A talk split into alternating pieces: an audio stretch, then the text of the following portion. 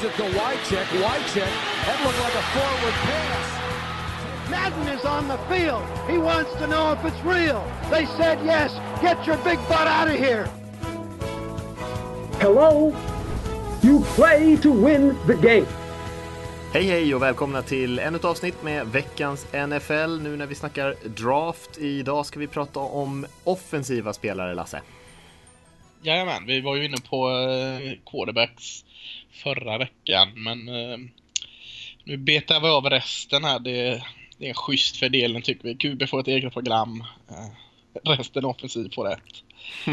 Eh, men vi jobbar mot klockan här, ni måste ha förståelse för oss. Det är inte så långt till draft så vi måste klämma in en del positioner. Men det är ganska naturligt att det spekuleras betydligt mer även av oss eh, när det kommer till QB. Ja, så är det och eh, vi kan väl be om ursäkt redan nu för att det kommer säkert bli en hel del eh, name dropping i det här avsnittet när vi pratar om alla olika prospects. Vi ska försöka att inte bli för eh, gå för djupt eh, på listorna sådär, men eh, det kommer ju ändå bli ett gäng namn.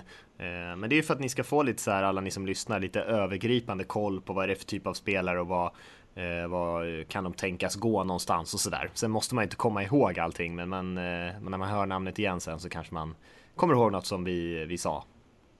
Kommer man inte ihåg det så kan man gå in på nflsupporter.se där vi har, eh, sa vi förra veckan med, men jag återigen tycker jag vi kan eh, flagga för oss själva där. Det är en eh, mäktig lista med, med draft prospect som vi bygger där. Mm. Verkligen. Verkligen. Och det kan det ju finnas många som har åsikter som kanske står lite i kontrast till vad du och jag tycker också. Så där kan man få lite olika input från olika håll. Mm. Av några av de andra som också kollar på spelare i redaktionen. Yes. Och vi ska börja läsa med lite nyheter och, och den, den första uppenbara nyheten är ju såklart att Raiders har fått ett godkännande att flytta till Las Vegas. Eh, jag vet inte vad du känner kring det, men min spontana reaktion var eh, att det kändes ganska konstigt och sen att man kanske blev, eller åtminstone jag blev, lite, lite för lite eh, engagerad i den här frågan på något sätt. Jag vet inte om det är för att det är det tredje laget som flyttar nu så att man liksom har hört den här historien förut. Men eh, jag vet inte, det känns väldigt konstigt och eh, det känns som att det borde vara en större grej än vad det, vad det är har ju hållit på så länge de här jäkla vänderna fram och tillbaka så, så jag tycker det, ska säga att jag tycker det är jättetråkigt att uh, man tar ur, tar bort uh, Raiders igen från Oakland. Eh, den här gången till Vegas, förra gången till LA tycker verkligen de hör hemma där och, och, är väl emot i allra de flesta fallen emot flyttar överhuvudtaget. Men på ett sätt tycker jag det är skönt. Alltså det, får vi ett avslut på det här eller det får vi inte för att de ska spela i Oakland 111 år tills de flyttar. Som bara gör det ännu värre. Men, men alltså, jag, jag, jag lider med eh, nu känner jag inte en enda käft som bor i Oakland så jag kan inte säga att jag lider med, med dem i Oakland. Men, men eh, från håll gör jag det. Jag tycker det är skittråkigt att de flyttar. Men skönt liksom att vända blad på något sätt även om det jävla bladet kommer hänga kvar länge eftersom de är, är det två säsonger till de ska spela i eh, på andra sidan bron där i Oakland. Ja, så är det sagt. Ja, nej, jag, så är det sagt. Nej, det blir såklart en jättekonstig konstig känsla för fansen där att de ska gå och titta på laget trots att man vet att de ska flytta. Oakland Raiders fansen är ju liksom i alla fall, kanske till skillnad från många andra, ganska utspridda i hela USA. Så det är eh, för många av dem som inte bor där eh, kommer det säkert inte vara någon sån här gigantisk skillnad, men eh, det är klart att för de som är verkligen locals och gå och titta på laget trots att man vet att de liksom har övergivit staden på något sätt kommer ju nog att kännas ganska mysko. Ehm. Det känns ju lite av grejen med Oakland, eller med Raiders också, att det ska vara lite halvfungerande. Nu fungerar visserligen spelet jättebra men det ska vara en, halvkrackig arena. Det ska vara kanske inte glitter och glamourområdena utan eh, Ja, eh, jag tror nog även många Raiders-fans i exil är eh, sjukt besvikna. Det tror jag också. Sjukt trist i alla fall, det här med flyttar överhuvudtaget. Eh, och NFL hade ju faktiskt inte haft någon flytt på eh, nästan 20 år och sen så nu har vi sett tre stycken lag flytta här på, på något år, vilket känns, eh, ja, absurt. Det här med Los Angeles var ju bara det, liksom en dröm som, från Los Angeles sida då, som hade funnits hur länge som helst. De har massor av försök, men det liksom, ingen trodde väl någonsin att det skulle hända och nu helt plötsligt så flyttar lagen fram och tillbaka till höger och vänster. Jag tycker kanske det sjukaste är eh, Chargers ändå. Det är ingen som vill ha dem. Alltså LA verkar inte så jävla pepp på att få dem heller och, och San Diego verkar väl inte bry sig, jo lite men det verkar inte vara hela världen att tappa dem heller så eh, den flytten tycker jag är sjuk på det sättet. Ja, och det handlar ju egentligen om kraven som NFL-lagen ställer, att man vill ha eh, sta statliga pengar eller eh, stadens pengar till att finansiera sina arenor och det har inte funkat att ställa de kraven nu är de här gångerna för att det finns andra saker som man behöver använda pengarna till. Så vi får väl se hur det här kommer utspela sig i framtiden om lagen kommer fortsätta kunna ställa de här kraven eller om vi kommer få se att det blir eh, kanske så att man får finansiera sina egna arenor eh, eller så blir det den här verkligheten att man får flytta. Mm, ja. Vi, eh, det var lite andra grejer på de här eh, eh, ägarmötena som har varit och en del regeländringar. Bland annat får man ju inte längre hoppa över linjen för att blockera field goals och liknande, troligtvis på grund av skaderisken. Och det kommer också vara så att repriser när man ska kolla, inte repriser när man ska kolla mm, eh, reviews eh, för att dubbelkolla vad som händer på spelet, om det är en coaches challenge eller något sånt där liknande, det kommer göras centralt från eh, Dean Blandino och hans gäng. Eh, Eh, och det var väl kanske egentligen de mest intressanta regeländringarna. Vi har också ett förslag på att eh, sänka övertidsperioden till 10 minuter från 15. Eh, men det har de inte röstat om än. Mm, jag gillar den eh, som inte gick igenom att på kickoff om man sparkar genom målstolparna då skulle man få fem bonusyard som sparkande lag. Eh, där, där röstades ner tyvärr med, men eh, det var lite kul idé. Mm. Jag håller med dig. Det är ofta de roligaste förslagen går aldrig igenom. Det är bara de här lite Nej. så här små ändringarna som inte är så där jätteintressanta. Eh, ja, lite spännande där med att man fick hoppa över linjen tycker jag. Vi fick ju se några sådana blockerade spel. Eh, och det blir ju lite action, men man fattar kanske att det inte är jätteofarligt när någon flyger över huvudet på, på spelarna där kanske. I college så där nivåskillnaden är större så ser man ofta väl matcher avgöras på sådana sätt. Alltså just eh, en superatlet som flyger över och blockar ett field goal. Mm. Eh, men ja, jag kan, jag kan köpa att det tas, tas bort. Man kommer också vara lite tuffare kan man säga mot de här tuffa tacklingarna som mot huvudet och sånt där. Man kommer kunna åka ut direkt på en sån tackling, bli liksom utvisad ur matchen. Eh, det är väl ingen stor regelförändring kanske, men eh, man har i alla fall bestämt att man ska fortsätta pusha på de här säkerhetsgrejerna ännu mer så långt det går. Känns jättebra. Eh, med det Lasse, så kanske vi ska gå vidare och snacka lite om eh, alla de här spelarna som vi nämnde i början där och gå igenom de olika positionerna lite grann och vilka, som topp, vilka toppnamnen är, vad vi har sett av dem och eh, hur vi tror, vad vi tror om deras framtid. Mm, vilka vill du börja med? Ja, det spelar inte så stor roll. Välj du. Ödmjuk. Running backs tar vi då. ja. Jag roffar åt mig. Ja, gör så. Ja, vad, eh, spännande running back-klass är det ju. Eh, Verkligen. I, I förtid så, är, så sägs det vara en väldigt bra running back-klass och, mm. och, jag håller med. Eh, något annat att inflika innan vi börjar bomba namn här?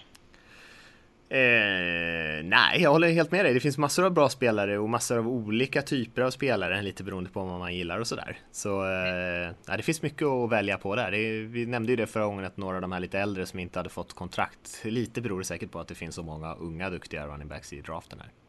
Mm, jag har en solklar topp två och sen har jag ett väldigt glapp till min trea. Eh, kan det vara så för dig med? Nej, jag har tre stycken som är nästan på exakt samma betyg och sen har jag faktiskt fyra som är relativt nära dem. Mm, Okej, okay. vem har du som nummer ett då? Ja, jag har Fournette där, Leonard Fournette, LSU. Eh, mm. Men bara precis, precis eh, en poäng på en 100-gradig skala före eh, två andra killar. Ah, Okej, okay. ja men den här hundradelen och allt annat. Varför har du Fournette nummer ett? ja, nej jag vet inte. Han känns som en väldigt, eh, hans spelstil passar NFL väldigt bra. De som inte känner till honom så är han ju en extremt hypad spelare.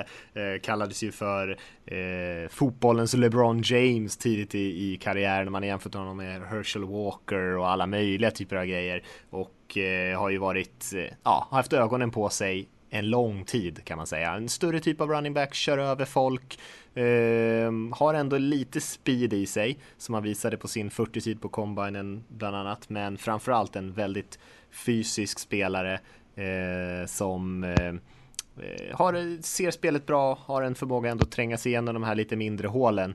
Eh, men är, är ju absolut den där typen som, som kommer köra över försvararna. Mm. Ska du säga något negativt då? Har du något? Ah, det är väl att han kanske inte är den här eh, moderna Levion Bell-typen, eh, David Johnson-typen när det gäller att fånga passningar. Eh, han kan göra det, men han är ingen route runner på det sättet. Han är en running back som kan fånga bollen hyfsat när det behövs. Eh, och sen är det väl kanske att han inte han är inte så flashig sådär när det gäller att och, eh, kanske dansa runt lite bakom linjen och, och eh, liksom få folk att, att missa bara genom eh, rena eh, kroppsmoves sådär utan det är ju att han bryter tacklingar eller trycker eh, bort dem med en stiff arm eller något sånt där. Så att om man letar efter den typen av spelare så finns det säkert andra man kan rikta in sig på utan det här är ju framförallt en större typ, fysisk typ av running back. Mm, jag, jag, håller helt med. Jag har nummer ett på min lista också. Också med en hundradel över nummer två. Men, men det är ju som du säger, en, en stor, tung, stark oxe med, med fart liksom. Eh, inte rädd att springa rätt över motståndare, explosiv, eh, ser vart han ska springa, bra blick, bra katt. Eh, en tuffing liksom. Enda, enda nackdelen då som jag väljer att lyfta fram är hans kropp liksom. Hur, hur, mycket den håller. För han har ju kört den där tuffa, hårda stilen under ett par år i, i college här också. Den tar ju stryk. Han, eh, han ger ordentligt mycket stryk till försvararna. Men får ju också mycket stryk på vägen. Så eh, det är väl den nackdelen jag vill lyfta fram. Jag håller med. Han är fantastiskt eh, spännande och, och jäkligt bra. Eh, kan alltså bli Zeke Elliot plockad som nummer fyra förra året. Nu ska vi inte jämföra dem för de är inte lika. Men så eh, hade nog Fournette eh, i förra årets draftklass då i alla fall.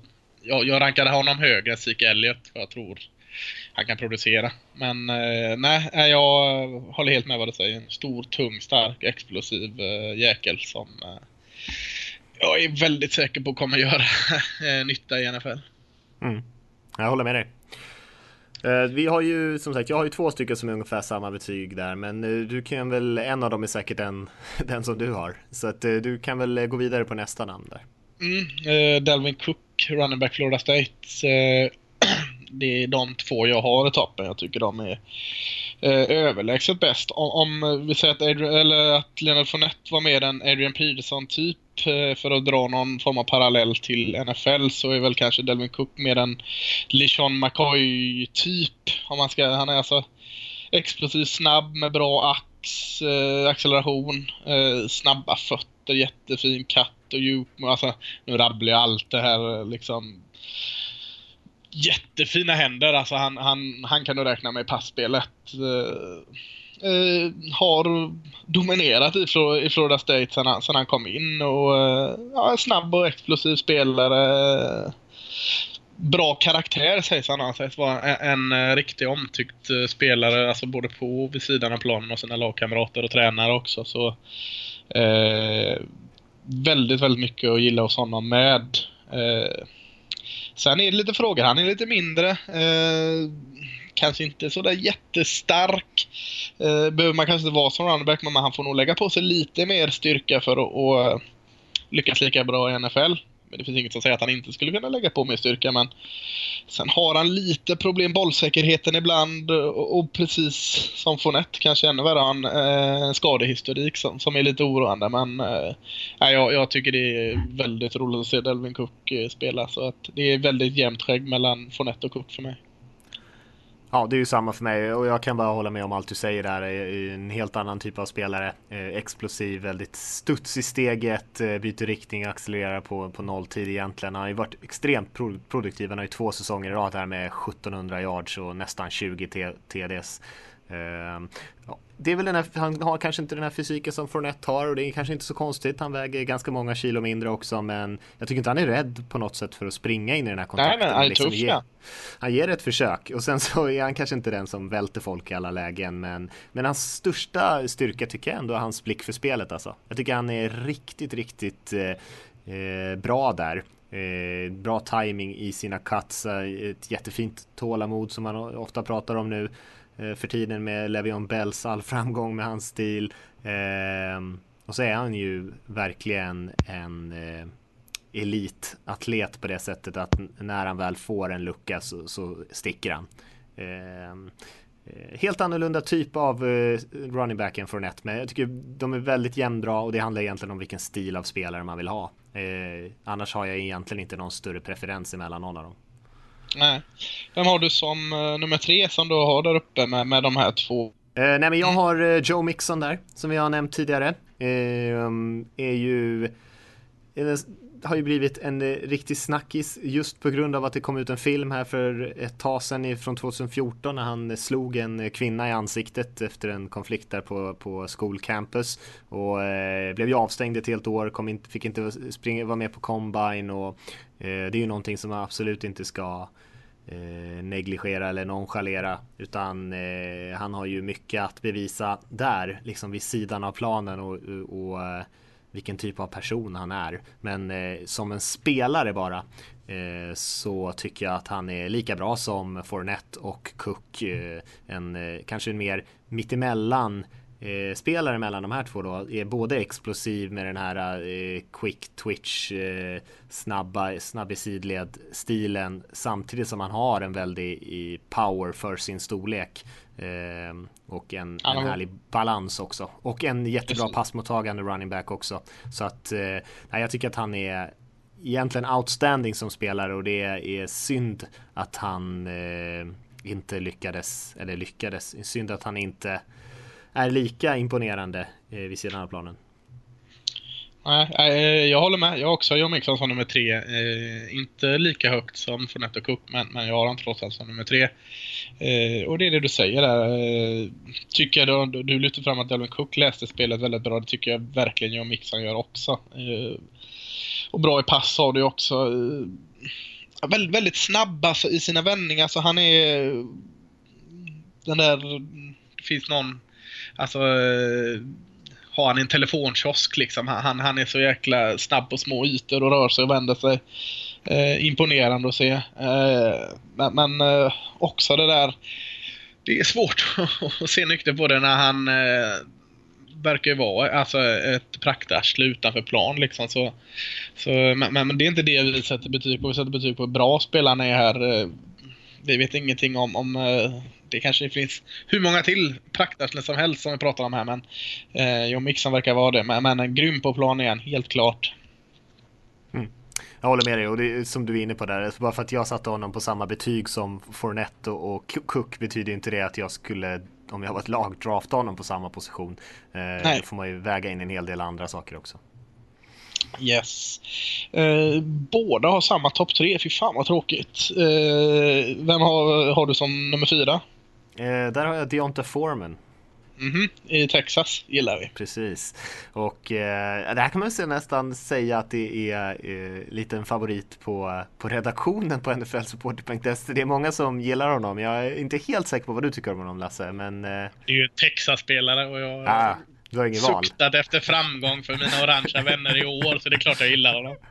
Ja, jag, jag såg honom och först, det, alltså första matchen jag såg honom, jag kollade typ två minuter och bara tänkte fan jag älskar den här killen. Vilken, eh, vilken härlig attityd, liksom ett, ett litet eh, bowlingklot egentligen med, eller liten, han är st ett stort bowlingklot. Men som spelar med väldigt låg tyngdpunkt trots att han har lite längd och han välter ju verkligen folk och faller framåt och eh, jag tyckte han påminde lite grann om Devonte Freeman till och från, men han är ju större. Eh, och eh, nej, men extremt svårt tacklad, tacklad, alltid plockar upp några extra yards, flyttar kedjorna. Eh, han hade ju över 2000 yards här 2016, så han har ju verkligen, verkligen producerat. Ja, så att han har ju galet producerat. Men eh, som vi nämnde med några av de där andra spelarna där så, så har han ju haft en, en hel del fumbles, eh, problem med, med sin bollsäkerhet och eh, men sen imponerade han ju på sin combine här nu, eller sin pro day rättare sagt, eh, med, med sitt college där han sprang en jättebra 40-tid för sin storlek, för han väger ju nästan 110 kilo, eh, formen. Så, men eh, jag gillar honom jättemycket. Ja, vi går hand i hand här i running back-allén. Eh, har också honom som, som nummer fyra. Allt det du säger håller jag helt med om. Alltså han, 11 matcher spelade han 2016. Han var aldrig under 124 yards i någon av matcherna. Eh, så det var inte så att han toppade någon match med 600 yards och fick McAgott ta det. Han var bra hela jäkla året. Eh, tung, stark, eh, sa vi snabb, som vi också såg på hans pro day för hans storlek. Han ser inte snabb ut alltså. Eh, alltså det ser inte snabbt ut men det går snabbt. Eh, jag tycker alltid när jag såg matchen att fan vad långsamma försvararna är. De, de är ju inte ifatt honom. Han, han spring, det ser inte snabbt ut men det går ju fan snabbt. Eh, lite frågetecken i pass. Han har inte använt så mycket i det så det är mest därför att eh, man vet inte. Eh, sen vill jag kanske lyfta fram en egenskap som glöms väldigt ofta när man pratar running back. Det är eh, hur bra de är i passblockeringen. Mm. Jag tycker Deontay Foreman är jätteduktig. Eh, som de flesta running backs som kommer ut från college så har de en del i det tekniska att slipa på när det kommer till plastblockeringen. Men, men jag tycker han är väldigt villig att ta den rollen och, och han gör det oftast väldigt bra. Eh, och den egenskapen tycker jag man kan lyfta fram. Ja, eh, nej, en eh, väldigt intressant spelare. Jag vet inte, kommer du ihåg han eh, Michael Turner som spelade för Falcons tidigare? Mm, ja. Turner, The Burner eller vad han kallades. Eh, ja, lite, lite åt, åt det hållet kanske. Inte liksom så flashy med de här sidledskatsen och kanske inte fångade så mycket passningar han heller, men eh, bara körde över folk. Eh, en, en, liten, en liten sista rolig anekdot om uh, Deontay Foreman är att Texas uh, värvade ju Foremans bror, uh, wide receiver i Texas. Mm. Uh, var högt rankad receiver i delstaten Texas och fick väl lite ta Deontay Foreman för att hans bror skulle skriva på, committa för Texas. Så de var inte alls intresserade av Foreman utan de tog mest han skulle få sin, sin, uh, hans bror, receiven, som inte alls har varit så bra. Har varit helt okej okay, men uh, så det var inte så att Texas var så heta på honom från första början. Nej, nej. Ja, intressant. Ja. Eh, hörru vi har, eh, vi har en spelare kvar som, eh, det blir lite elefanten i rummet här, som många gillar väldigt mycket och som jag har sett honom uppe på femtonde plats i första rundan att han ska gå där någonstans och det är ju Christian McCaffrey från mm. Stanford som jag har inte ett alls ett så högt betyg på honom. Jag vet att många är helt crazy i, i, i McCaffrey. Ehm, jag vet inte vad du tycker om honom. Eh, det kan du har du han som nummer fem på din lista eller? Det har jag. Eh, men mm, en bit under de andra ändå. En bit ja, ja jag är inte heller så, inte heller så såld på honom. Eh, jag förstår att man kan bli det. Han är explosiv med fantastisk acceleration och bra katt och han flyger genom hålen när de kommer där men, men ja, jag, måste ju säga att han är väldigt bra i passspelet också. Jag hade kunnat se att han har varit kanske mer produktiv slot receiver än NFL än, än en running back möjligtvis. Absolut. Alltså, jag tycker eh, det är tråkigt att, att lägga vikt vid de här sakerna. Men han känns väldigt klen och han känns mindre än vad han är tycker jag. Eh, liten mm. och inte alls fräck efter kontakt. Eh, det, det är lite varningsklockor som går. Alltså, det bästa man ser av McCaffrey, eller uh, McCaffrey är, är, fantastiskt roligt att se. Uh, men, men, jag tycker det är relativt enkelt att ringa in hans brister också. Och, och då tycker jag att han är lite, lite för, för mesig för att kunna uh, producera som, som han gjorde i Stanford, som running back i NFL. kommer gå. jag tror fortfarande han kommer gå i första. Och jag säger inte att han kommer misslyckas i NFL, men, men jag tror inte det är den Christian McCaffrey vi kommer få se i NFL. Jag, någon kombination av slot receiver, och running back, eh, hade jag fick tricks innan honom. Ja, jag är tveksam till om han går i första rundan. Jag vet att många tror det. Ehm, eh, jag ska inte säga att jag är säker, det har jag ingen aning egentligen, men eh, ja, skulle jag, ska jag gissa eller, eh, på någonting skulle jag nog gissa att han inte gör det. Ehm, men alltså, en superintressant spelare på många sätt. Den kommer från en jätteatletisk familj. Eh, farsan har spelat i NFL, morsan var atlet, morfar tävlar på OS. Eh, han slog ju rekord i all purpose yards eh, på en säsong i, i eh, Stanford. Eh, har varit friidrottare. Vi såg på han på combine och vi ser det på matcherna också vilken extremt bra eh, passmottagare han är och route runner. Han kan verkligen göra allting men det krävs ju verkligen att han kommer till ett lag som vill använda honom till allting för bara som running back så är han inte tillräckligt bra tycker jag. Han är inte lika bra som de andra spelarna som vi nämnde tidigare för att gå i första rundan. Som receiver, bara receiver, vet jag inte om jag tycker att han är värd att gå i första rundan heller. Eh, men det är ju om man vill ha den här kombinationen och man vet att man ska använda honom på alla de här olika sätten. Eh, då kan han säkert vara jättevärdefull, men frågan är hur många sådana lag det finns, hur många sådana eh, lag, eller hur många av de lagen som tycker att det är värt att lägga ett sånt högt val på den typen av spelare. Som man ändå, små receivers brukar man kunna hitta rätt sent i draften till exempel. Så det ska bli mm. intressant att se. Yes. Uh, nu har vi då tagit vår topp 5-lista och vi har kanske tagit en spelare som vi, både du och jag kanske inte tror på så mycket som är hypad. Men, men om vi vänder lite på det innan vi går vidare till nästa position och säger någon, någon spelare du kanske tror på lite extra som kan vara lite av ett fynd i mellanrundorna. Eh, har du någon sån inringad? Hmm, eh, ja alltså de är de är ju såklart lite längre ner än de andra spelarna här och mm. även ah. under McCaffrey såklart. Så de kommer väl kanske inte gå så högt och eh, men Marlon Mack tycker jag är, är intressant. Eh, South Florida, ja. South Florida. Eh, kanske för att just för att han har eh, potentialen att eh, bli riktigt bra. Han har liksom storleken, han har speeden, han är en ganska tuff spelare, bra som en blocker, ser spelet bra och sådär. Eh, men är väl lite upp och ner Eh, men han har alla verktyg, absolut den atletiska förmågan att kunna spela i NFL på en hög nivå.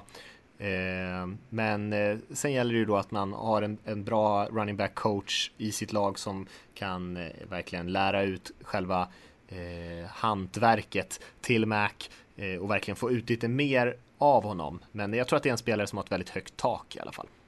Mm, ja, han är spännande, absolut. Jag har en uh, Matt Dace i North Carolina State. Uh, så jag kan börja med, han är just nu lite för liten och lite för långsam så det är ingen bra start vad jag pratar om här. Alltså både för liten och för långsam. Det, det lockar ju inte. Men, men det är något när jag ser Matt Dace, uh, när jag såg han spela, som bara gör att wow, den här killen bör inte kunna göra vad han gör. Eh, väldigt mångsidig, bra händer, bra routes, eh, cuts och trots att han inte är det snabbaste i världen så har han ett jäkla fint ax genom hålen. Eh, det är något sånt där. Jag, jag, eh, jag, förstår att han kommer sjunka och kanske gå i mellanrundorna, tredje, fjärde, femte rundan men, men när jag ser honom så är det så alltså jag, jag tror det är en sån jäkel som man får slänga bort logiken på något sätt. Jag, jag bara känner att den här spelaren kommer eh, fortsätta producera eh, i NFL. Eh, och därför tycker jag det är ännu mer spännande för jag, jag ser också hans brister. Men, men, trots de bristerna så får han att funka. Ja, nej men det är lite, det här är lite vad jag med Days, lite det jag menar med McCaffrey. Liksom, Days kan man säkert drafta i, jag vet inte hur sent kan man få honom tror du, men relativt ja, sent i alla fall. Tredje till femte. Ja, så om du kan ta Daisy femte, står en slot receiver i sjätte, så, ja, så behöver du inte drafta McCaffrey i första rundan utan ta och släng in de två spelarna istället. För Daisy mm. kanske jag ser som är mer en tredje down back som har lite um, eh, kan komma in i de här spread-systemen, fånga lite passningar och, och, säkert springa bollen hyfsat också, men kanske inte någon man mm. kan lita på varje down. Eh, men eh, en, eh, säkert en väldigt värdefull rollspelare. Ja. Vi får nästan gå vidare från running back-positionen. Ja, vi får gå vidare. Ja, vi var vi näst, till, nästan går... lite långsamma också. Ja, men vi, vi går till en svagare, en svagare position då. Wide receiver. Ja. Får väl ändå säga att det är. Eh... Ja, det finns ju alltid många namn att snacka om eftersom det är så eh, mycket system i college där man använder tre receivers och sånt där. Så det blir ju automatiskt många namn. Men Ja, jag har eh, absolut inte på alls samma sätt eh, några sådana toppar som jag hade i running back. Alltså jag har väl en, eh, ska jag säga, en fyrling kanske. Eh, eller fem spelare som, som jag ändå kan se eh, bli nummer ett receivers. Eh, och på den nivån tycker jag det är. Jag ser ingen framtida AJ Green eller Julio Jones här. Nu säger jag inte att de inte kan bli det, men jag ser det inte så tydligt som man såg med Amari Cooper när han kom från Alabama till exempel. Då var man ju såld på honom och, det var inte så svårt att gissa rätt på den. Här ser jag inte riktigt det. Jag ser möjligtvis nummer ett receivers, men inte så mycket mer. Jag håller med dig. Det är väl kanske inte riktigt samma toppen fast jag har eh, Corey Davis, min etta där från Western Michigan på samma betyg som de där top running backsen där. Eh, men sen mm. ligger alla lite under det. Det är ganska jämnt och det går ganska stadigt neråt. Det är inga stora så här fall att det liksom blir 10 poäng på den här 100 skalan till nästa, men det går stadigt neråt eh, ganska fort ändå.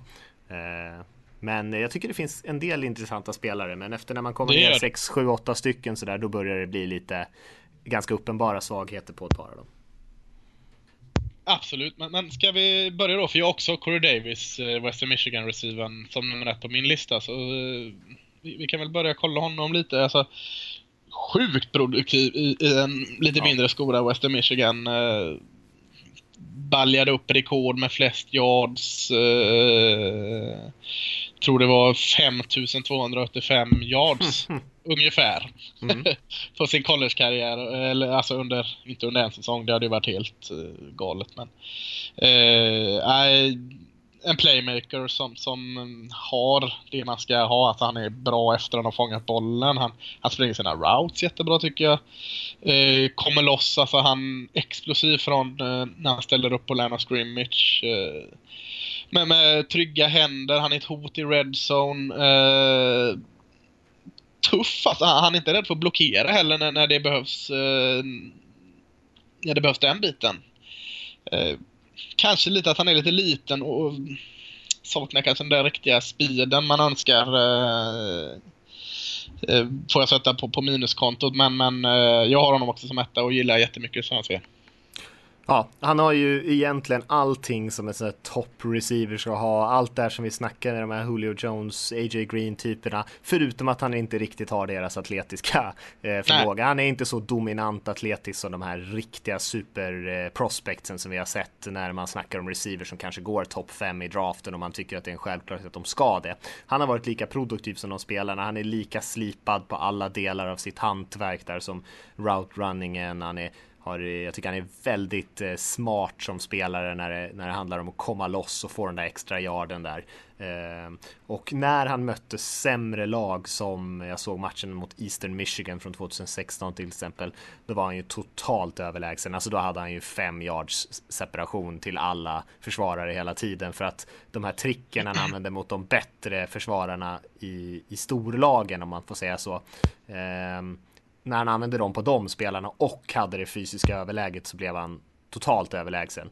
Men eh, det kommer jämna ut sig det där när han kommer upp på nästa nivå och när han mötte de här bra lagen och, och eh, då behöver han de här tricken, han har de här grejerna som han har lärt sig eh, och då får han precis där lagom mycket separation. Men eh, nej, kanske saknar den absoluta fysiska toppen för att vara sådär superimponerande, men en jättebra spelare och precis som du säger, den där typen av produktion brukar kunna spa, sp liksom spåra produktion i, i college på receiverpositionen till, till eh, hur det sen kan gå i NFL och att han haft över 1400 yards och 12 plus, plus touchdowns tre år i rad eh, visar ju ändå att han är väldigt pålitlig. Så det känns som ett säkert val av en mycket bra spelare eh, precis under elitskiktet.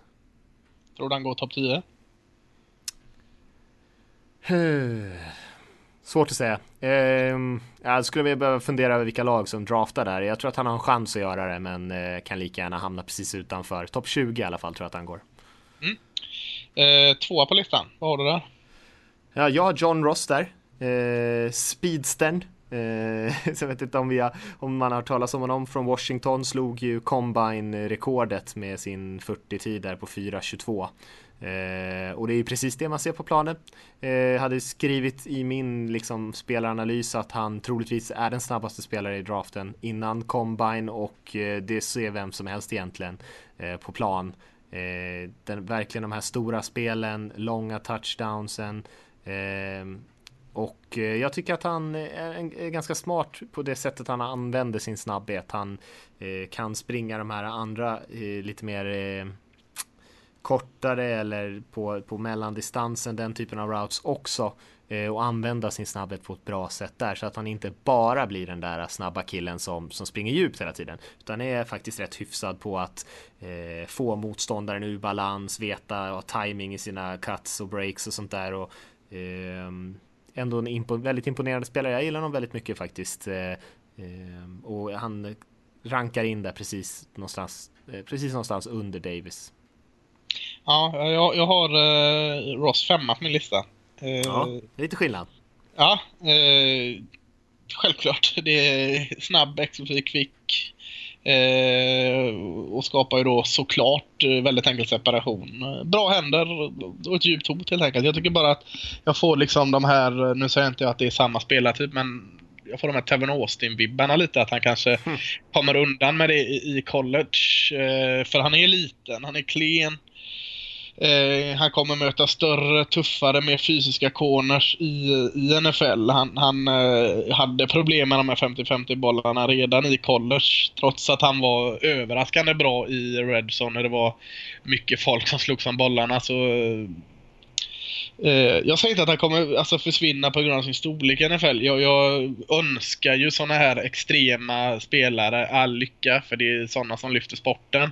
Men jag är lite rädd att alltså, hans storlek eh, kommer göra att eh, vara emot honom. Eh, blir inte heller riktigt klok. Ibland tycker jag jag gör så jäkla fina routes och andra stunder så fattar jag inte verkligen vad han gör. Så, så jag, jag, kan inte riktigt bestämma mig som routerunner heller. Eh, jag har sett båda delar där men, men eh, han är ändå femma på min lista så alltså att jag, jag såg honom inte och, och jag hoppas verkligen lyckas men jag är lite rädd för storleken.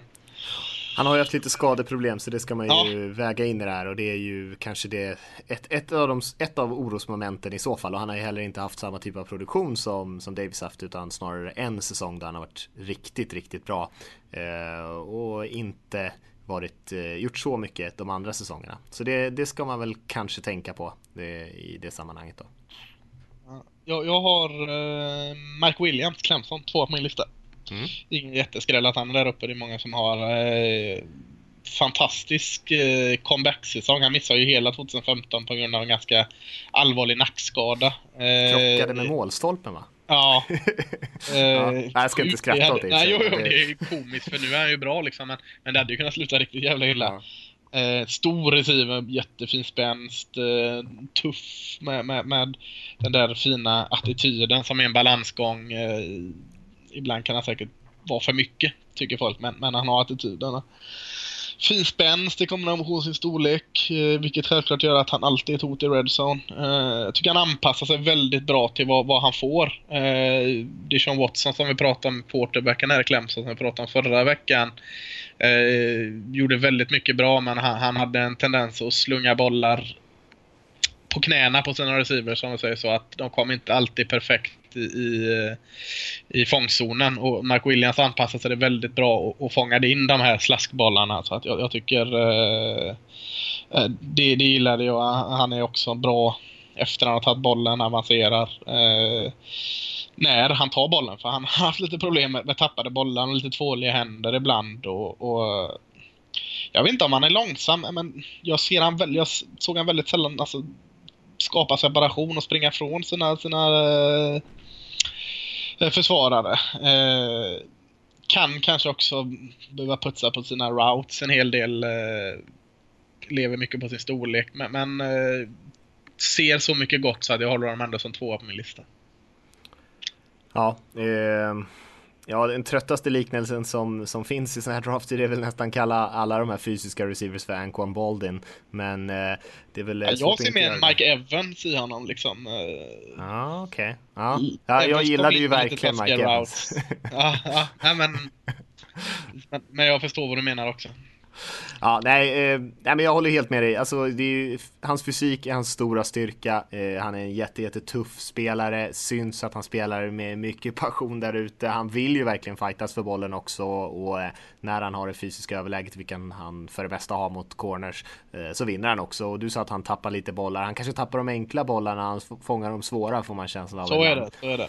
Eh, jag, ty jag, tycker han var lite slarvig med sin route running. Du var inne på det lite grann också. Jag tycker inte att han gör ett jättebra jobb med sitt, sitt fotarbete. Är lite slö där och kanske inte alltid så precis eh, i sin, sin route running. Eh, det är ju snarare fysiken då och komma av linjen mot press coverage sånt där som är hans liksom starka sida. Sen är han rätt bra med bollen i händerna och sådär. Eh, och inte superimponerande fysiskt här. Uh, vi kan säga så här, när vi pratade om John Ross här nyss så uh, jag tycker att Deshaun Jackson är en väldigt bra liknelse för John ah, Ross om man, vill få, om man vill få en liten känsla av vilken typ av spelare. Mike Williams, en helt annan typ av spelare, kanske inte alls den här snabba, kvicka killen men lite mer fysisk och gå upp och slåss om bollen. Jag har honom som trea så jag har honom inte så långt ner men jag tycker inte att han är speciell på något sätt. Men jag hör vad du säger. Mm. Eh, min nummer fyra då, eh, det är ju, har jag som tak Des Bryant eh, i jämförelse. Mm. Eh, ytterligare en receiver från USC. Det är lite högt, de flesta har någon lägre. Det är Julius Smith-Schuster. Mm. Mm. Eh, som eh, vart produktiv och talang och hela den här balletten som USC-receiven oftast är. Men, men inte fått sådär jättemycket kärlek. Eh, har frågat en del, vilket jag riktigt köper. Jag tycker han har en jättefin kombination av eh, han är snabb, stor och tuff. Det, det, tycker jag bara, de tre grejerna, eh, då går jag igång. Då förlåter jag mycket annat som inte är så bra. Eh, han, han, kan bränna sina försvarare på djupet och egentligen springa rätt igenom eh, sina försvarare de gångerna det behövs. Eh, eh visst, han, han är också eh, slarv i sina routes. Eh, en grej jag tror man kan eh, relativt snabbt putsa på när man får tiden att göra det. Så, så jag lägger inte alls så mycket vikt vid det, trots att jag uppskattar en bra route runner.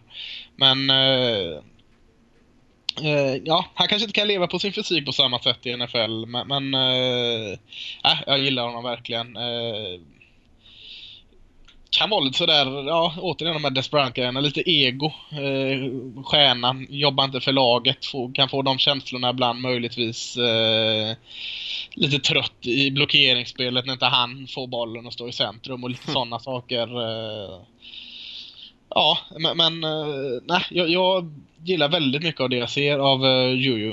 Eh, så, så jag har någon som nummer fyra. Ja, jag har honom strax därefter på femteplatsen. Jag, jag gillar honom också väldigt mycket faktiskt. En intressant bakgrund. Han spelar ju safety i high school på eh, Long Beach Poly som är liksom lite av en plantskola för, för unga fotbollstalanger. Uh, nej, men jag håller med helt i, i din beskrivning av honom. Mycket, mycket mer fysisk uh, spelare än vad han är, är kvick. Jag tycker han är däremot rätt smart med sin route running. Inte så att han är någon explosiv sådär så att han sticker ifrån folk så mycket, men uh, han har en ganska bra känsla för var han ska positionera sig i zonförsvaren och, och var han liksom kan göra sig ganska tillgänglig för sin quarterback. Eh, sen är han väl kanske mer av en possession-spelare tycker jag, som gör att man kanske inte vill drafta honom superhögt ändå. Eh, men någonstans i mitten av andra rundan tror jag att det kan vara aktuellt med, med Schuster. Jag tror inte att han går så jättehögt. Men han kan nog vara väldigt produktiv i NFL. Det känns som en, en spelare som kan bidra. Och jag har redan fuckat upp min egen lista. Han är ju nummer tre på min lista. Jag hade ju Corey Davis etta, Williams tvåa, eh, Juju trea och Ross femma. Jag har ju inte outat min fyra än här. Jaha, nej okej. Okay. Mm. Eh, och eh, det är ju min fyra. Jag kan inte låta bli att sätta den här spelaren som nummer fyra för att jag...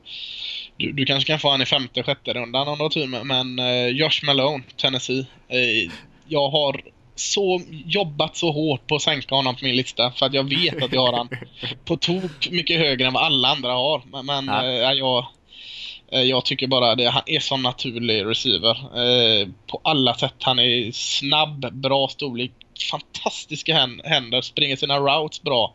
Eh, kanske är lite trög i starten, men, men jag har så förtvivlat svårt att hitta några alltså, eh, något negativt att säga honom, om honom. Alltså, du nämnde Joshua Dobbs här, Tennessees quarterback i förra, eh, förra veckans draft. Eh, mycket bra college-QB, men han var bra med fötterna, sprang med bollen. Josh Malone fick inga, inte mycket att jobba med i Tennessee och glömdes bort lite. Det, eh, men, men det lilla han hade att jobba med tyckte jag var en fröjd att skåda. Alltså, hade det inte varit så att eh, resten av världen inte har honom mer än femte, sjätte rundan så hade jag satt honom ännu högre på min lista. Mm. Ja, han är ju så pass långt ner att jag inte ens hunnit titta på honom. Nej, nej, så, nej, nej, att, det... eh, så jag får lita på dig där. Nej, det ska du inte göra. Du får kolla på honom efter podden precis som alla andra och säga vad, vad det är jag inte ser, som alla andra experter ser. Vad, vad, vad missar jag för att uh, jag, jag petade ner honom ett par hack. Jag, jag började tveka på mitt omdöme när, när ingen har honom någonstans. Mm. Och, och, allt jag ser med honom är så jäkla bra. Någon gång var han bra för han, han blev utsatt till, eh, eller tyckte andra han var bra till det sagt. För han blev utsatt till Mr Fotboll i Tennessee uh, när han värvades till uh, Tennessee. Så han var ju lovande från high school. Mm. Ja, intressant. Jag har ju också en spelare på fjärde som kanske de flesta inte har så högt, men det är nog inte lika förvånande som din där. Jag har ju Chris Godwin där från Penn State på, som min fjärde receiver. Mm. Eh, de flesta har ju honom några hack ner i alla fall. Ehm, men jag gillar honom jättemycket. Han har inte varit så superproduktiv och det är ju delvis därför han kanske inte har fått så mycket hype. Han eh, toppade ju inte ens 1000 yards här 2016. Ehm, men eh, också en ganska rejält byggd receiver. Ehm, och kanske lite mer fysisk än vad han är kvick och explosiv. Men jag tycker att han är en väldigt bra route runner med, med, med kvicka fötter och sådär. Och eh, är väldigt svår att, att, stoppa om man ska upp och spela press coverage mot honom. Han gör ett bra jobb där för att komma, komma loss ganska tidigt och inte låta försvararen liksom störa hans route på något sätt. Eh, trodde först när jag såg honom på film att han kanske saknar den här snabbheten som gör att han skulle kunna vara ett av de här toppvalen. Men sen sprang han ju extremt bra på, på scouting combine. Jag vet inte vad han sprang på, 4.42 eller något sånt där tror jag att det var. Mm, no, det är så jävla bra till och med. Ja. ja så att, eh, och där, det blev jag verkligen överraskad eh, av. Jag hade honom högt ändå, men jag eh, gav honom faktiskt någon extra poäng där på skalan just på grund av att han ändå hade den speeden, men att han kanske inte fick riktigt utnyttja den. Han har riktigt bra händer också och är eh, en av få spelare tycker jag i den här draften som ändå har sprungit ett helt route tree Eh, utan att behöva förklara det så mycket kanske. Men han har ju sprungit många olika typer av passmönster helt enkelt. Eh, och så är det inte alltid utan man hittar liksom rollspelare och man tar den snabba killen får springa djupt och sådär. Och så, eh, alla brukar inte få göra allting. Men Godwin har gjort lite allt möjligt för Penn State. Ehm, så att, eh, nej, jag gillar honom väldigt mycket och honom som fjärde spelare där. Mm. Ja, avslutar ju jättefint sin collegekarriär, precis som hela Penn State. Ingen som riktigt trodde på dem i år. Uh, nej, jag, jag köper det du säger. Jag gillar framförallt att han, han vet om att han är stor. Uh, han använder det till sin fördel. Uh, betydligt mer än vad andra stora receivers gör. jag gillar honom också. Jag kanske har en 10 eller något sånt på min lista. Men det kan mer ha att jag tycker han är lite slarvig och försvinner helt från vissa matcher. Och, och kan, kan kännas lite loj ibland, men, men eh, det finns jättemånga plus på honom, absolut. Vi måste nästan hoppa vidare Lasse, men några ja. namn som man kan nämna ändå. Eh, Say Jones är ju en spelare som har fått eh, ganska mycket uppmärksamhet här på slutet. Kommer säkert gå hyfsat högt skulle jag ändå säga. Eh, ja. Precis. Och sen så har vi ju också Diddy Westbrook från Oklahoma. Är också en spelare som har blivit lite hypad. Och sen en spelare som du och jag pratade om lite grann innan vi började spela in den här, i alla fall nämnde honom. Det var ju Cooper Cup. Eh, som eh, vissa verkligen gillar, vissa inte alls fattar grejen. Han spelar ju på Eastern Washington, vilket är liksom division 2-skola, men han har varit extremt produktiv där. Eh, och har ju en spännande kombination av, av storlek och snabbhet. Eh, och sen är det svårt alltid att bedöma spelare som kanske inte har mött toppmotstånd hur bra de egentligen är. Men eh, han kommer säkert gå hyfsat högt han också tror jag.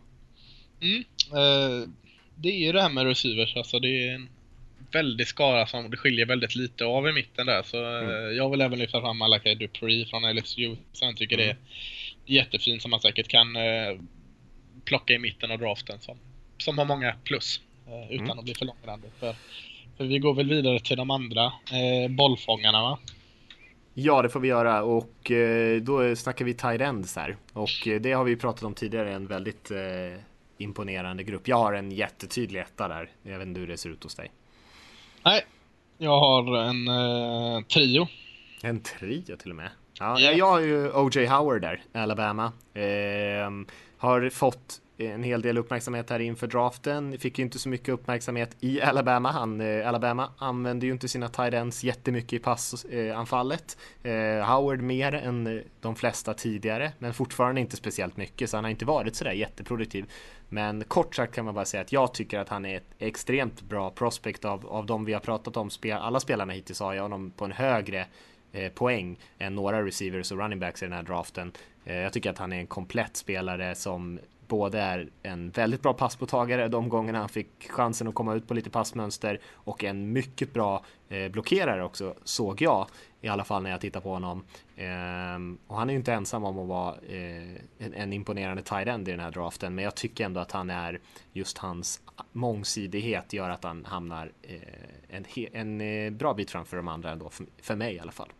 Mm. Ja, jag har, eh, har honom som nummer ett också. Absolut. Mm. fantastiskt Eh, potential på honom. Eh, kanske är mer att jag är såld på väldigt många terräng som att jag har eh, lite jämnare. Eh, håller med allt det du säger förutom just i blockeringsspelet. Jag tyckte jag såg många tveksamheter i hans blockeringsspel. Han gör vissa grejer bra men ibland så ser det ut som vad fasiken gör du? Så jag tycker han har en del att jobba med blockeringsspelet. Eh, precis som har i sina routes egentligen. Nu, nu vet jag inte riktigt hur Nick Saban bygger upp sådana saker. Som du säger, han använder ju ingenting i stort sett i. Alabama. Det var slöseri på en talang där. Varför? Så framtida talenter i Sverige som får uh, offer från Alabama, uh, ta inte det. Ta, ta, nästa, hur lockande det än är. Uh, Saban verkar i alla fall fatta det. Han sa det efter säsongen att uh, ja. var det något han ångrar så var det väl kanske att han inte använde Howard mer i, i passanfallet. Mm. Nu gick det ju rätt bra för Alabama ändå, men ja. Mm. nej men jättetalang, absolut. Stor, snabb, bra bollmottagare. Atletisk eh, fenomen. Så absolut eh, en talang eh, som jag inte har sett på ett gäng år i, i, i draften. Men där, där, har jag tvåan på min lista också som jag bara har skuggande nära och det är David Yuko, eller Yuko från, eller i Miami. Mm kom lite från ingenstans. Eh, gjorde en fantastisk säsong. Eh, och kanske är mer prospect då än eh, färdig talang just nu. Eh, för han har inte så jättemycket rutin och gör en del slarviga fel. Men han är stor och snabb. Långa fina armar. Alltså både i, i att i framtiden kunna bli en blockerande terräng. För han, han behöver slipa på den tekniken. Men han har möjligheterna. Han är sådär härligt aggressiv som jag gillar en terräng ska vara. Eh, tycker trots sin stora kropp har han jättefin kontroll över den. Han ser smidig ut. Eh, lägg där till att han är ett djupt hot liksom. Han, du kan, han kan eh, springa på en, en eh, deep route och, och eh, göra nytta där. Sen är det där, han, han har de här barnsjukdomarna eller vad man ska kalla det. Alltså han tappar bollar lite väl lätt som man inte riktigt fattar varför han tappar. Han, blockeringstekniken nämnde vi, tekniken överlag behöver man bli bättre på men, men han är otroligt rå, eh, alltså eh, en rå produkt. Eh, men jag ser så ser så högt, högt, högt tak på honom så trots de här bristerna så är han i baken och skuggar O.J. Howard för han, ja jag tror han kan bli jäkligt bra med rätt utveckling. Ja, jag har honom en bra bit efter men det är väl just framför att allt att jag inte ser honom som en, eh, ett, ett, liksom en komplett spelare på det sättet. Jag tycker inte att han är någon vidare bra blocker. Eh, tycker inte att han heller går in för det riktigt. Eh, han verkar inte tycka att det är så kul kanske det där och det, det kan man ju förstå i och för sig. Men eh, eh det är ju mest inställning när det gäller tight ends och blockering kan man tycka ibland att det är, det är nästan viktigare än, än eh, sen lär man sig tekniken av sig självt liksom om man verkligen försöker. Men som du säger, extremt atletisk. Eh, har ju dock 5 cm kortare än Howard till exempel, så att, eh, har inte riktigt samma storlek men eh, tung och snabb och jag tycker han är en väldigt naturlig spelare i, i passoffensiven. Kanske inte den mest slipade eh, route runner som du är inne på, eh, men han har en känsla för eh, den delen av spelet. Kan se lite ut som Jordan Reed ibland i, i Redskins, vilken stor komplimang när det gäller den delen av hans spel. Eh, jag tror att man kan få mycket ut av honom där, men jag är inte riktigt lika säker på att han kommer kunna vara en framgångsrik blockerande tight end i NFL. Ja, jag, jag hoppas. Mm. han dödade som nummer två också där eller? Nej, tre hade jag faktiskt honom. Tre, vem har du som två då? Eh, där har jag Jordan Leggett eh, från Clemson. Eh, där har vi någon som helt saknar inställning. Men, men, men, men kör på. ja, nej men han är väl eh, Ja, jag, jag håller med dig. Det du sa där, eller det du insinuerade. Han är inte ja. en jättebra eh, blocker alls. Eh, och han är ju eh, lite längre, eh, lite gängligare kanske. Eh, men också väldigt bra receiving skills. En, eh, en duktig route runner tycker jag. både kvick trots sin storlek, han väger 116 kilo. Och en, en helt okej okay speed ändå. Eh, och han kanske inte alltid inne och liksom är en inline blocker på samma sätt som Howard var i Alabama. Eh, och gör det väl kanske inte superbra när han när han gör det. Men det känns som att när han får till sin blockering, lyckas veckla ihop den där långa kroppen lite grann och komma lite längre ner med sin tyngdpunkt ja, så kan han ändå göra det ganska bra. Eh, och jag tror att det handlar mer om coachning där. Jag såg inte den här riktiga eh, dåliga attityden som du eh, verkar ha eh, sniffat fram där. Ehm, så att jag kände ändå att läget hade lite mer vilja och potential att sköta den delen bra än, än Joko. Men eh, ja, de, de är rätt tajta på mig, men jag har honom före en Joko i alla fall. Jag har inte lägget med på min topp 5-lista, inte närheten. Eh, ja. Men det, det som jag tycker som han är topp 1 på min lista eh, hela draften är eh, hans jäkla händer alltså. Under två år har han bara tappat två passningar. Mm.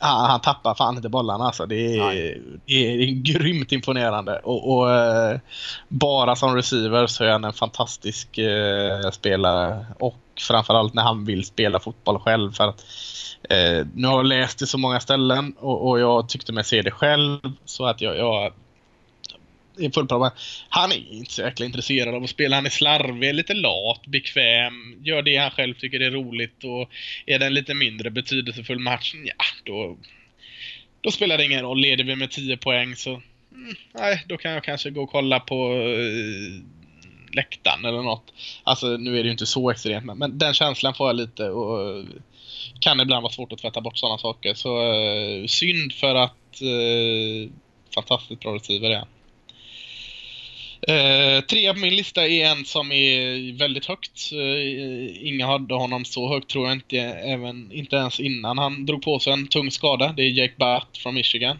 Eh, är väldigt glad i honom. En, eh, också en jättebra bollmottagare som springer sina routes jättefint. Smart, alltså fotbolls-IQ. Eh, snabba fötter, bra händer. Eh, Kommer ju då från eh, Michigans Pro-style system också som, som måste tas upp att han är färdig. Eh, har han fått en grundlära i NFL redan där. Eh, jättebra passblockerare. Eh, kanske lite mer tveksam i, i, i springblockeringen. Och är väl lite klen överlag för vad han borde vara. Han är ju stor liksom så att han, han borde kunna vara mer power år än vad han gör. Men eh, drog ju på sig en, en allvarlig skada här i slutet av året som, som gör att han kommer sjunka i draften. Han kommer kanske inte plockas förrän i, i runda tre skulle jag kunna tänka mig. Men jag gillade så väldigt mycket av det jag såg med Jepat.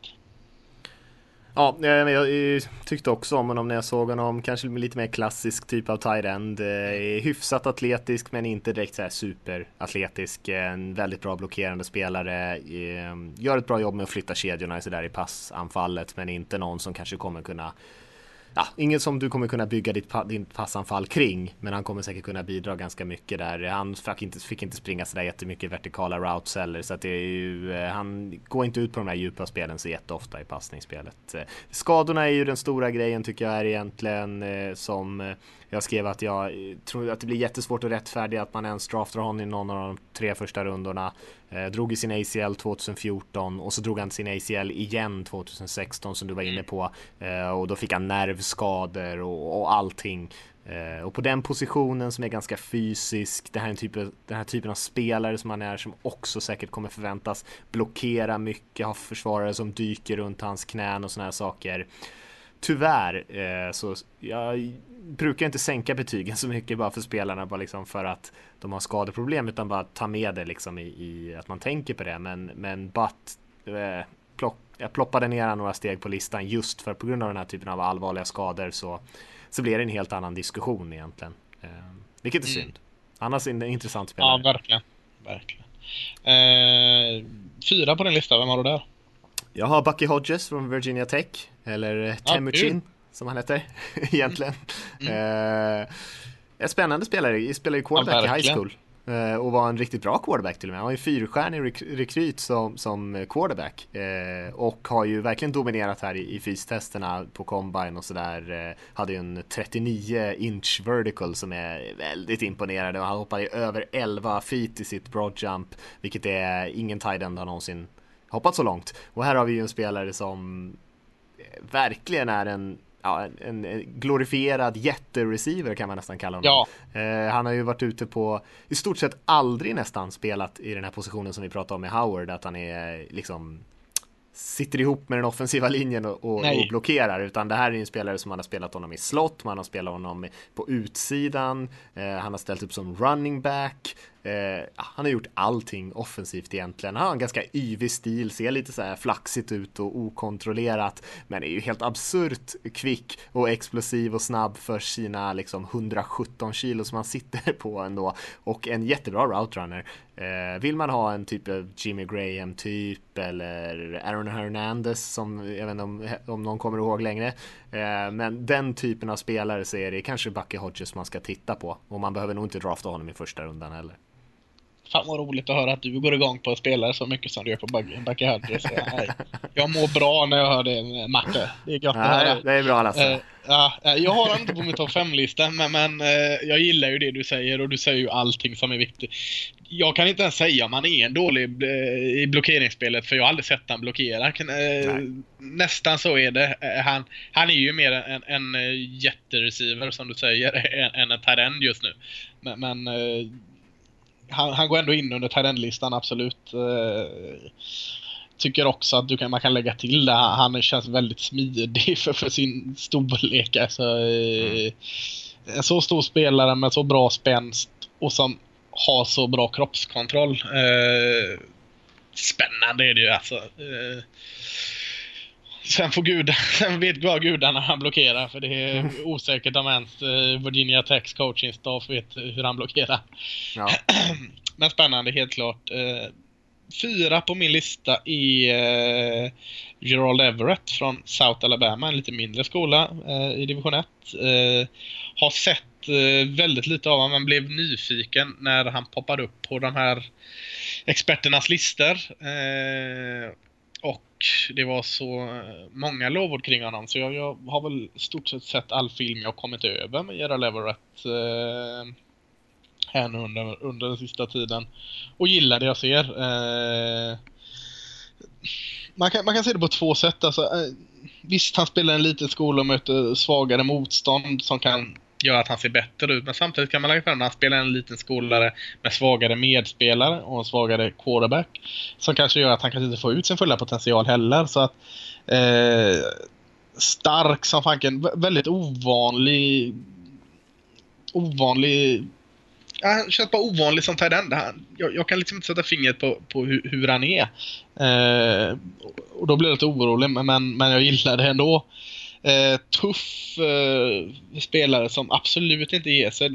Han ser hela tiden ut och nu, nu, nu, eh, nu blir han neddragen, nu faller han. Men han lyckas med någon hand hålla sig uppe och fortsätta jobba. Han för varje jäkla yard.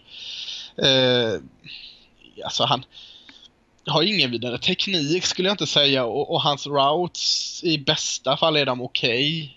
Okay. Eh, men han har den där bra storleken, fina händer, bra i blockeringsspelet och, och ger fan aldrig upp. Eh, och sticker ut så mycket i Saudi Alabama så att eh, jag har bestämt mig att jag gillar vad jag ser med Gerard Everett även om jag är lite fundersam på vad det är jag egentligen ser. Eh, konstigt. Mm. Och det var din fyra. Vem har du som femma då? fan har jag som femma? Eh, du, du, du, Evan Engram, All Miss. Okej. Okay. Mm. Kan bara säga lite snabbt om, om honom. Är, eh, eh, det, det är väl en, eh, en blandning av uh, alltså en, en uh, receiving terrend igen. Snabb, bra med boll, bra i trafik, springer bra, fina routes. Uh, lite liten och inte så bra i blockeringsspelet men, men uh, har producerat väldigt uh, bra länge i Ole Miss räcker för mig att komma in femma. Mm. Eh, och jag har ingenting att tillägga där. Eh, däremot så, så kollar jag på, på inspelningsklockan här Lasse. Eh, mm.